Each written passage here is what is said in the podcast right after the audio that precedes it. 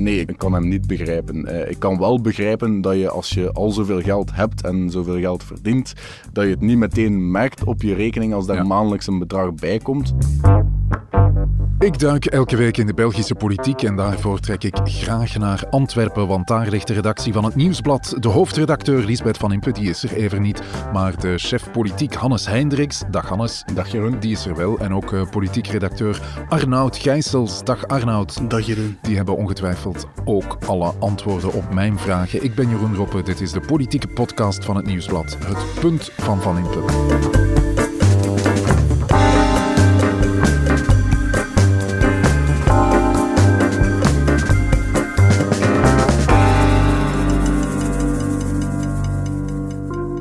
Alsjeblieft, dit uh, heb ik meegebracht. Het ziet eruit als een uh, fles Elzas wijn. Het is ook een Pinot Blanc. Maar Wel een Belgische. Inderdaad, hij komt uit het Hageland. Ik ben ervoor naar Assend, Bekkenvoort, Diest, die uh, regio getrokken. Daar zijn ze al heel lang met wijn bezig. Het is een Kluisberg Pinot Blanc.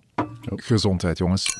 Ik zit met een paar vragen over de politiek in ons land. Om te beginnen in Gent. Daar komt er uh, bij de gemeenteraadsverkiezingen een paarse lijst. Betekent dat nu, uh, Hannes, dat paars terug is? Uh, wel ja, toch zeker in Gent op nationaal niveau zeker niet. Maar je merkt wel dat er in een aantal gemeenten wat aan het bewegen is. Niet per se rond paars, maar je merkt wel dat burgemeesters proberen om hun lijst zo breed mogelijk samen te stellen. Of dat nu met uh, paars is, dus rood en blauw te samen, of met groen te samen, of, of, of NVA. Maakt eigenlijk niet zo heel veel uit ja, er gebeurt iets op. Uh, er is iets aan het verschuiven. Laten we het daar uh, eens over hebben, zo dadelijk. Natuurlijk hebben we het ook over BBB. In Nederland won uh, BBB, de Boer-Burgerbeweging, de verkiezingen. Dat hebben ze bij ons ook gezien, Arnoud. Zie jij in Vlaanderen hetzelfde gebeuren als in Nederland straks? Ik zie vooral veel partijen hopen om hetzelfde te kunnen doen als in Nederland. Of het hen zal lukken, dat is nog maar de vraag. ja, ook daar horen we straks een punt over. Het is een beetje een rode draad in de podcast De Jongste Weken. De pensioenen van de oud-Kamervoorzitters. Hebben we daar nog nieuws over eigenlijk, Arnoud? Ja, het uh, bureau van de Kamer, zeg maar het parlement van het parlement heeft beslist om die terug te vorderen. Ook al is nog niet helemaal duidelijk of dat ook zal lukken eigenlijk. Daar hebben we het uh, straks ook over. Drie onderwerpen dus. We maken er telkens een punt over. En we drinken er een kluisberg uit het Hageland bij. We zijn vertrokken voor een nieuw punt zonder Van Impe zeker nu met nieuw gemeentedecreet, is het uh, de persoon van de grootste lijst met de meeste stemmen die dan de burgemeester wordt. Dus dat is voor hem de beste garantie om opnieuw burgemeester te kunnen worden. Dus eigenlijk zouden we nu kunnen zeggen van uh, Matthias de Scherp en de socialisten de inhoud.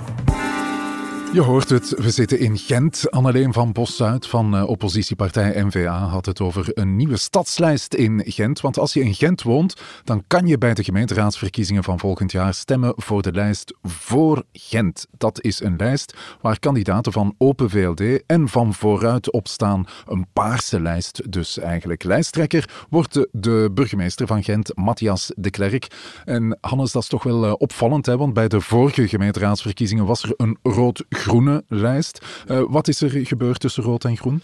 Uh, ze komen eigenlijk niet meer overeen, daar komt het op neer. In Gent heb je een groene kopman, Philippe Watteo, die ja, daar schepen is en daar eigenlijk ja, eerste viool speelt. Nu, Philippe Watteo heeft zelf burgemeesterambities. Hij steekt dat ook niet onder stoelen of banken.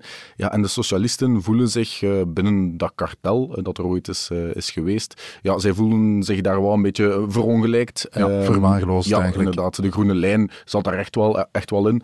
ze hebben ook niet als fractie uh, gezeteld uh, samen. Uh, wat ze nu wel gaan doen met Matthias de Klerk en de Liberalen na 2024. Dus ja, een beetje een vechtscheiding geweest tussen ja, Groen en, en Dus Groen komt nu alleen op. Arnoud, was Philippe Watteo van Groen te ambitieus? Uh, Philippe heeft een uh, persoonlijkheid die nogal uh, de stadspolitiek in Gent gedomineerd heeft. Hij heeft ook zo'n beetje het boegbeeld van het circulatieplan en lage emissiezones en allerhande dingen waar dat veel andere partijen allergisch aan zijn. Ja. Dus daar loopt het ook een beetje spaak natuurlijk. Als ja. je u wilt afzetten tegen die man, dan moet je misschien een andere ja. richting. Rood uh, komt dus uh, niet meer op met groen, maar nu wel met blauw. Ja. Uh, doet vooruit eigenlijk een goede zaak, vind je? Want ze spelen een beetje op veilig, die indruk krijg je. Ja, ik denk dat vooruit overweging maakt dat ze inderdaad um, met Matthias de Klerk één, de garantie hebben dat ze meezitten in het bestuur en twee, dat ze hun stempel gaan kunnen drukken op het beleid. Dat is een beetje de trade-off die er is tussen Matthias de Klerk en de socialisten. ik denk dat dat vrij duidelijk is, ja. dat er wel ja, rode lijnen in het bestuur zullen komen. Ja. Matthias de Klerk staat ook sowieso te boek als ja, een van de meer linkse liberalen. Dat is, dat is geen donkerblauwe liberaal, zoals bijvoorbeeld Egbert Lachaert ooit geweest is. Blauwe stadsliberalen, uh, die vinden zich wat uh, makkelijker bij rood-rood. Dat we dus wellicht geen uh, burgemeester zal krijgen. Wel opvallend is, Freya van den Bossen is terug. Gaan we haar weer op het voorplan krijgen? Die zit al lang in de, in de wachtkamer. Zeker bij de Gentse socialisten is die wel zo'n beetje de, de macht achter de schermen. Bovendien, de Gentse socialisten hebben ook niet meer echt het boegbeeld dat ze vroeger hadden. Vroeger had je Daniel Termont, eh, Frank ja. Deken. Dat soort figuren lopen er niet meer rond.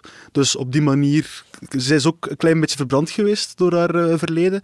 Maar nu is ze langs uh, de, de grote poort terug binnengekomen. Ja, lijsttrekker van de nieuwe lijst is dus uh, de burgemeester Matthias de Klerk. Groen en de oppositie die zeggen, ja, de Klerk die wil met deze nieuwe lijst gewoon zijn scherp veiligstellen. Ja, dat is ook gewoon zo. Um, je moet weten, er zijn nieuwe kiesregels hè, vanaf 2024, dus ja. bij de volgende verkiezingen. Nieuwe spelregels. Nieuwe spelregels, ja. ja. En die veranderen echt ja, heel wat op, op lokaal niveau. Dus te zeggen, ja, de burgemeester wordt vanaf 2024 eigenlijk automatisch benoemd.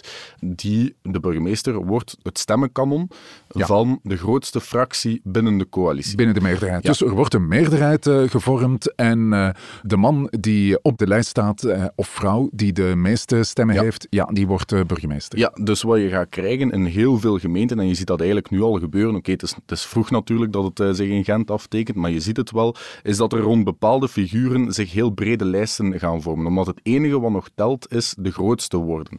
Dus ja, je ziet dat in Gent nu. Matthias de Klerk ja, gaat met vooruit in zee om een soort stadslijst uh, samen te stellen voor Gent. Tegenover ja, eigenlijk één uitdager zijn de Philippe Watteau. Dus je krijgt zo een beetje een tweestrijd tussen twee kandidaat-burgemeesters. Um, ja. ja, Philippe Watteau gaat wel gewoon met groen naar de, naar de verkiezingen trekken. Maar je ziet het ook in andere steden. Hè. Ik denk dan aan bijvoorbeeld ja, um, Oostende, Bart Tommelijn. Bart Tommelijn. Ja, die daar met groen al naar de kiezer is getrokken. Uh, denk jij nog aan andere steden?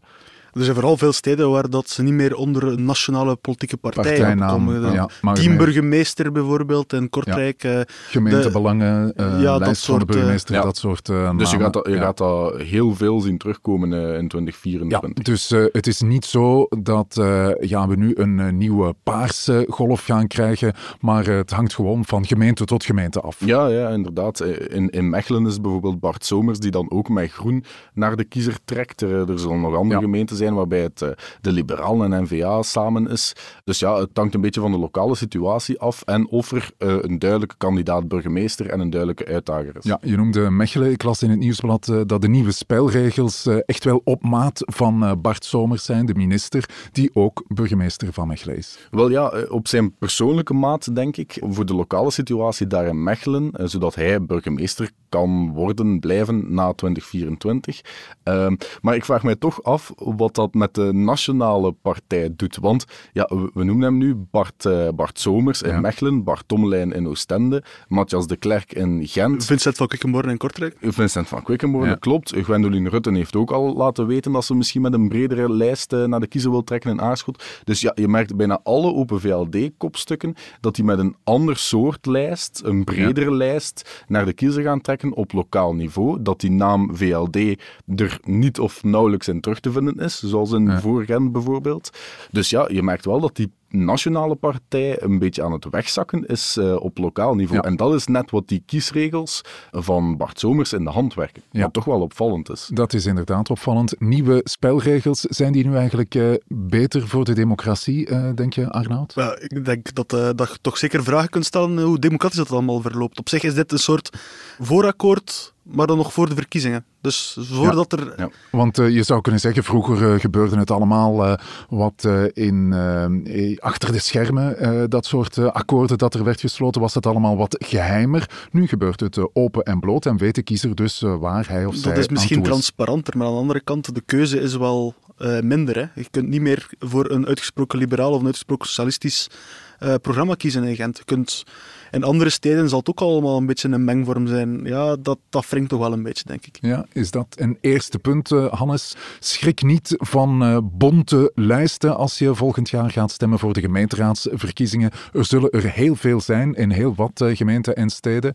Dat maakt het misschien allemaal wel een beetje transparanter, maar toch minder ideologisch uitgesproken. Ja, minder ideologisch uitgesproken. En ik zou zelfs het wat breder willen trekken als je kijkt naar wat er nu op lokaal niveau aan het gebeuren is. Met vooral Open VLD en CD&V dan, die heel veel lokale lijsten zullen zien wegvallen. Ja, dan denk ik dat uw politieke herverkaveling, waar op nationaal niveau heel vaak over gesproken wordt, hè, van misschien moeten er partijen samengaan, uh, de, de, de, lijnen tussen verschillende partijen worden opgeblazen, ja, dan denk ik dat die politieke herverkaveling eerder op lokaal niveau zal starten dan op nationaal niveau en dat we dat na 2024 in heel veel steden en gemeenten zullen ervaren en zien terugkomen. Het punt van Van Impe.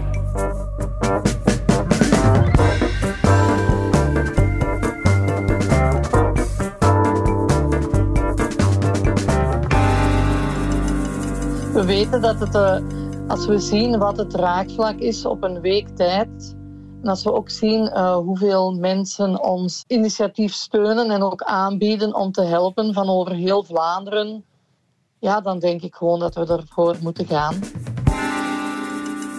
Tine Hermans ziet het helemaal zitten. Hermans startte de beweging Boer-Burger Belangen naar het voorbeeld van de Nederlandse Boer-Burger-beweging, die een historische zege boekte bij de jongste verkiezingen in Nederland. Vanuit het niets werd de Boer-Burger-beweging van eh, Caroline van der Plas de grootste partij van Nederland. Kan zoiets ook bij ons, denk je, Arnoud? Veel moeilijker. In Nederland heb je allemaal kleine partijtjes, doordat er geen kiesdrempel is. Die is er bij ons wel. Ja, Bij ons moet je een bepaald eh, percentage stemmen halen, anders kom je niet in het uh, parlement. Inderdaad. En dan bovendien hebben onze partijen dan een enorme oorlogskas en weten die wat ze de pers moeten bespelen enzovoort enzoverder. Dus het is moeilijk om daartussen te geraken. Ja, zie je in Tine Hermans een uh, Belgische Caroline van der Plas, Hannes? Goh, voorlopig niet, denk ik. Ik denk niet dat ze één, uh, de wervende persoonlijkheid heeft die Caroline van der Plas wel heeft. En twee, ja, uh, Van der Plas, die genoot al nationale bekendheid. Hè. Die heeft al in het parlement gezeten in, in Nederland. Dus ja, er zijn nog wel wat drempels voor boer-burgerbelangen om hier in Vlaanderen voet aan de grond te krijgen. Maar ja, dat wil niet zeggen dat ze niet van belang kunnen zijn. Ja, ze kunnen druk uitoefenen op andere partijen. Hè? Ja, de toegang krijgen tot de politieke agenda en tot de media-agenda is vaak even belangrijk als, als, als stemmen halen. En je merkt wel dat heel veel partijen um, nu bezig zijn met dat thema, met mhm. boeren, het platteland. Ja, en uh, Ejo Broens is zelf lid geworden van de Boer-Burgerbelangen. Ja, op Facebook, hè? Op Facebook, ja. Ja, wel, ja, hij, heeft, uh, hij heeft gevraagd hè, aan mevrouw Tine of ze niet op, uh, op de CD&V-lijst wou staan. Dus ja, je merkte dat CD&V aan het proberen is om dat succes van die beweging, of die online beweging wat het voorlopig is, om dat... Uh, te recupereren. Ja, ja, eh, te capteren. Maar elke partij uh, is er op dit moment mee bezig en dat is wel het succes, één, van CD&V met de stikstofdiscussie en twee, wel ja, van, van de boerenbeweging, boerenprotesten, dat ze op de politieke agenda zijn geraakt. Ja, het is duidelijk dat de provincie of het platteland zich laat horen. Het platteland, Arnoud, versus de stad, is dat nu de nieuwe breuklijn in onze politiek? Die breuklijn is er zeker. Dat is in elk geval een breuklijn die partijen proberen uit te diepen. In het platteland hebben mensen vaak het gevoel van ja, we zitten hier ver van alles, eh, er wordt niet naar ons omgekeken, de bankautomaten trekken weg, je kunt niet meer uh, op, een, uh, op een bus stappen, de, trein komt misschien, als die al passeert, één keer om de twee, drie uur.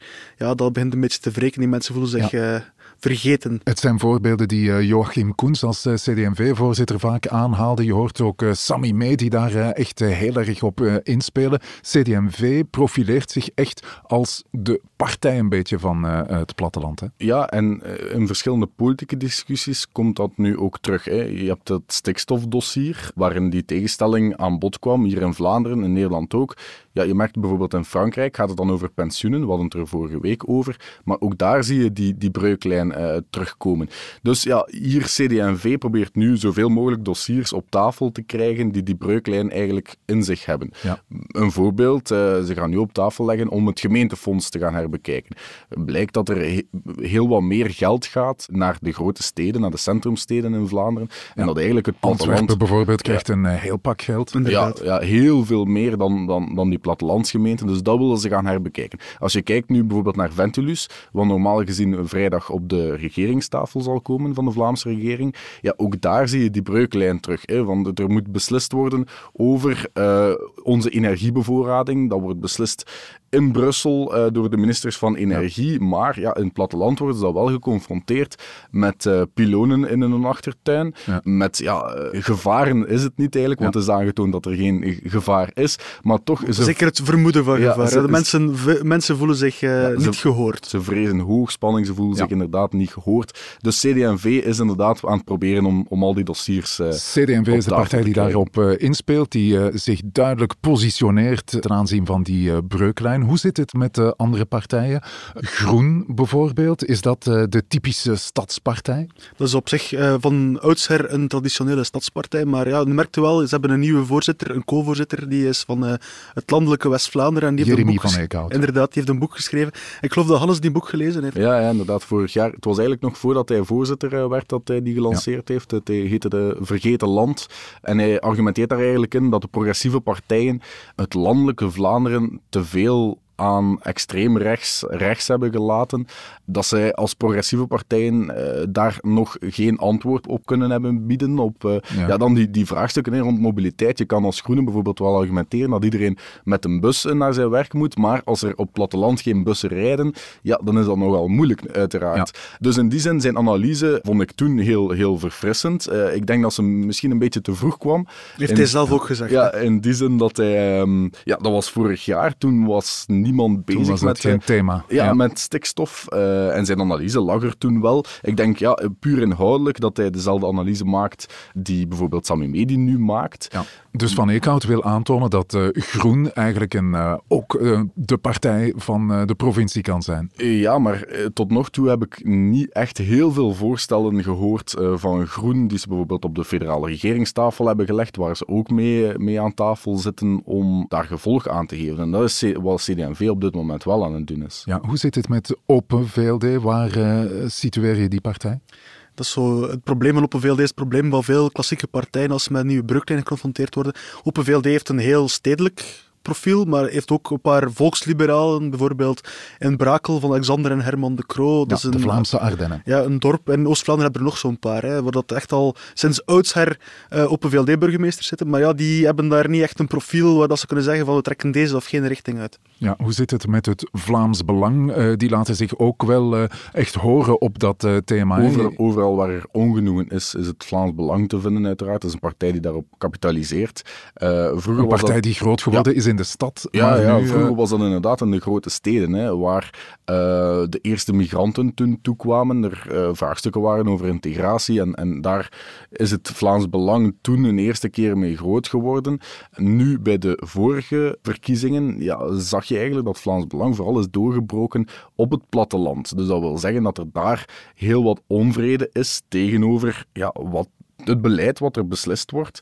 Uh, ik merkte dat bijvoorbeeld in het dorp waar ik ben opgegroeid. Uh, het Welk dorp is dat? Het rurale Wachtebeke. Wachtebeke. Uh, waar er een, een, socialistische burgemeester is, aangesteld na de verkiezingen in 2018. En een paar maanden later waren het federale verkiezingen en was Vlaams Belang de grootste partij. Terwijl er is niet eens een Vlaams Belang fractie of partij in Wachtebeke. Dus je merkt daar, er zit daar onvrede in die rurale gebieden. En ja, die, die moet er op een of andere manier uit. En die zal eruit komen in het stemhokje. Oké, ik denk dat we een uh, tweede punt hebben. Er loopt een nieuwe breuklijn door de politiek. En dat is de lijn tussen stad en platteland. De Boer-Burgerbelangen is een nieuwe partij die uh, misschien wel succes kan hebben als zweeppartij. Ja, je merkt dat elke partij zich op dit moment moet verhouden tot die nieuwe breuklijn, uh, stad versus platteland. CD&V is dat bijvoorbeeld aan het doen en zij stellen daar dan uh, andere partijen tegenover. de partijen van de overheidsbetutteling, N-VA, uh, socialisten noemen ze dan,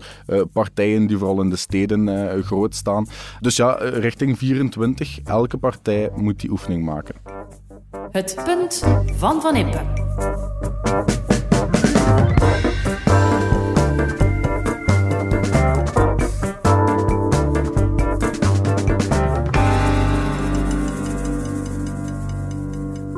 We hebben een nieuw hoofdstuk in de pensioensaga. De pensioensaga van eh, enkele oud-Kamervoorzitters en topambtenaren die te veel geld kregen. Ze kregen enkele pensioenextra's. En de Kamer wil dat geld nu terug. En blijkbaar menen ze het echt, hè, Arnoud? Ze hebben uh, gezegd van we willen het allemaal terugkrijgen. Ze hebben ook een klacht ingediend bij het parket om te zeggen van zoek dit uit, we willen weten wat er gebeurd is. De vraag is nu alleen of dat ze hun geld effectief terug zullen zien. Ja, want uh, de Kamer zet echt door. Uh, ja. Dat vind jij een goede zaak, Hannes? Ja, ja ik denk ook dat ja, het, was, het was bijna onmogelijk dat ze de pensioenbonussen niet zouden terugvorderen. Hè. Dus ik denk dat elke partij heeft veroordeeld wat er gebeurd is. Ja. ja het meest zichtbare, Siegfried Brakke van, van NVA, die, die ja, uh, honderden duizenden euro's. Hoeveel is het? 121.000 euro. Ja, Die is een hele tijd de Kamervoorzitter geweest, uh, Siegfried Brakke. En hij is niet meteen van plan, heb ik de indruk, om dat uh, geld terug nee, te geven. Wel, ja, nee, klopt. Uh, Herman de Croo, um, ook oud-Kamervoorzitter en vader van de huidige premier, die heeft die het, heeft het geld wel al mooi terugbetaald. Siegfried Brakke zei, ja, ik, ik, ik heb dat op mijn rekening gekregen. Ik heb dat zelf niet gecontroleerd. waarom zou ik dat moeten terugstorten? Maar ja, je merkte bij zijn eigen partij dat ze zeiden van, ja, dit schept echt een heel slecht beeld van de politiek. Het is echt ja. oude graaikultuur. Uh, dus alle fracties stonden er eigenlijk achter om dat geld te gaan terughalen. Kan je hem eigenlijk begrijpen, uh, Siegfried Brakke? Hij zegt, ja, kijk, uh, ik heb dat geld gekregen, dus waarom zou ik het teruggeven? nee, ik kan, hem, ik kan hem niet begrijpen. ik kan wel begrijpen dat je, als je al zoveel geld hebt en zoveel geld verdient, dat je het niet meteen merkt op je rekening als daar ja. maandelijks een bedrag bij komt. Dat kan ik misschien nog inkomen. Uh, maar als je nu uh, merkt van ja, hoe dat in elkaar steekt. Hè, er is een uh, effectief maximumpensioen. Ja. En zij hebben een bonus gekregen daarbovenop. Ja. Om dat uh, maximumpensioen nog wat uh, hoger ja, nog wat, nog wat op te. Ik denk, ja, oké, okay, ze zijn Kamervoorzitter geweest, dat is een belangrijke functie. Maar het is nu ook niet uh, dat hij het werelduurrecord heeft verbroken of zo. Hè. Allee, bedoel, het is niet dan, verdien je wel, dan verdien je wel een nee, pensioen extra. Je begrijpt wat ik bedoel. Hij heeft geen bovenmenselijke prestaties geleverd die hem een soort goddelijke status rechtvaardigen, waardoor dat hij zoveel meer geld krijgt. Ja, nee, dat, dat, dat is gewoon niet zo. dus de regels die zijn er voor iedereen. Okay. Er is daar, ja, ze hebben een bonus gekregen naar bovenop, dus ik vind het niet meer dan logisch dat ze die moeten, moeten teruggeven. Ja, de Kamer zet echt door, Arnoud, maar eenvoudig wordt het niet om dat geld terug te krijgen. Hè? Nee, het is een echt juridisch kluw. En de Kamer heeft jaren een stukje dat goedgekeurd in een eigen begroting die uitgaven. Er stond daar uh, bonussen ex-Kamervoorzitters. Niemand wist wat het was, maar ze hebben het toch maar goedgekeurd.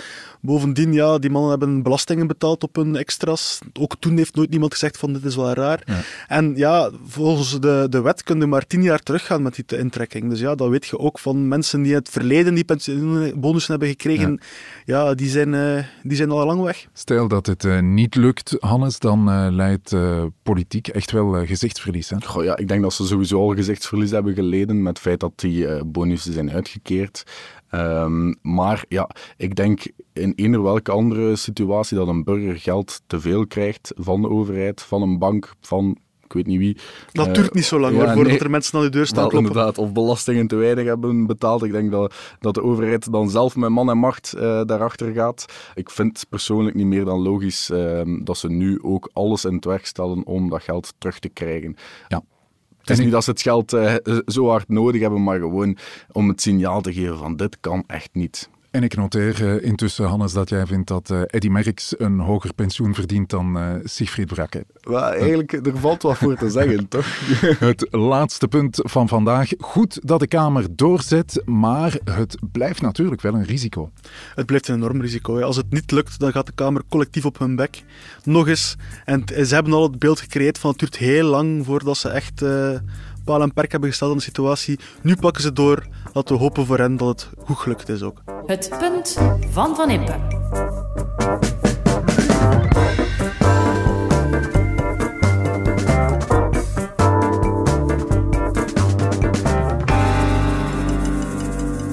Oké, dankjewel voor de punten. Ik neem ze mee naar Brussel. Ik laat jullie hier uh, rustig werken op het nieuwsblad. Uh, we drinken wel nog uh, het glas uit, stel ik voor, want we gaan elkaar even niet zien Ja. de komende weken. Geen punt, Paasvakantie. ehm, want het is paasvakantie en wij nemen een paasbreak. Maar we komen dubbel en dik eh, terug na de paasvakantie Ja. met een nieuw punt van Van Impe. Dit was het punt van Van Impe. Je hoorde de stemmen van Hannes Hendricks en van Arnoud Gijsels. Dank aan de VRT voor de audioquotes, aan Pieter Schevers voor de muziek en aan Pieter Santens van House of Media voor de montage. De productie was in handen van Joni Keimolen. Tot het volgende punt van Van Impe.